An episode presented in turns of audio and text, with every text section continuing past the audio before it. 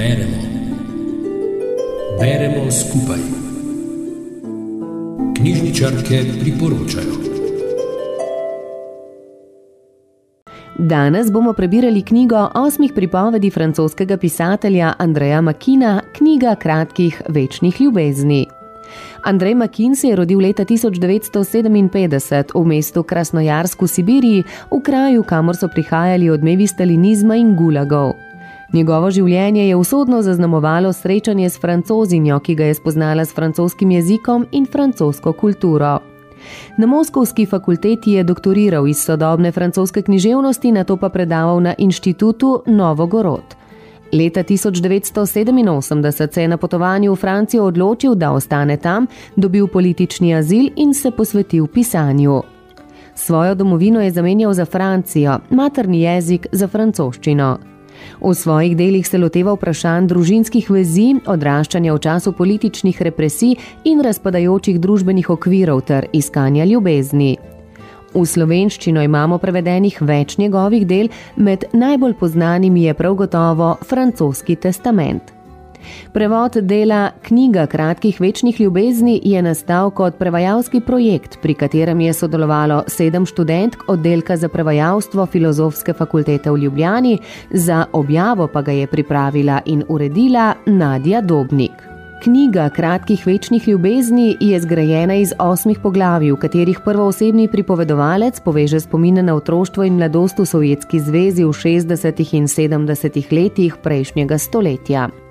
V prvi zgodbi govori o naključnem srečanju z umirajočim disidentom Dimitrijem Resem, zapornikom sovjetskega režima, ki ga pri življenju ohranja spomin na ljubljeno žensko. Knjigo pa sklene pripoved znanca o tem, kdo je bil res v zaporu poimenovan pesnik, ki je umrl teden potem, ko je zadnjič oddaleč gledal svojo ljubljeno. Med obema zgodbama pa so stkane zgodbe ljudi, ki jim življenje otežuje sovjetski režim. Pripovedovalec je otrok, ki je odraščal v sirotišnici in kasneje mladenič, ki mu je uspelo prerasti zaznamovanost z usodo sirote. Spominja se svoje naivne ljubezni do dekleta, ki je imela očeta v bližnjem taborišču. Vidi ostarele pare, ki jim je uspelo ohraniti ljubezen kljub pomankanju, represiji in surovosti družbe. Na počitnice odidete skupaj z dekletom, vendar v hotelu ne morete biti v isti sobi, saj nimata poročnega lista. Nekoč spremlja bojevito opornico na fotografiranju največje plantaže jabolk na svetu, prevelike, da bi jo lahko oprašile čebele.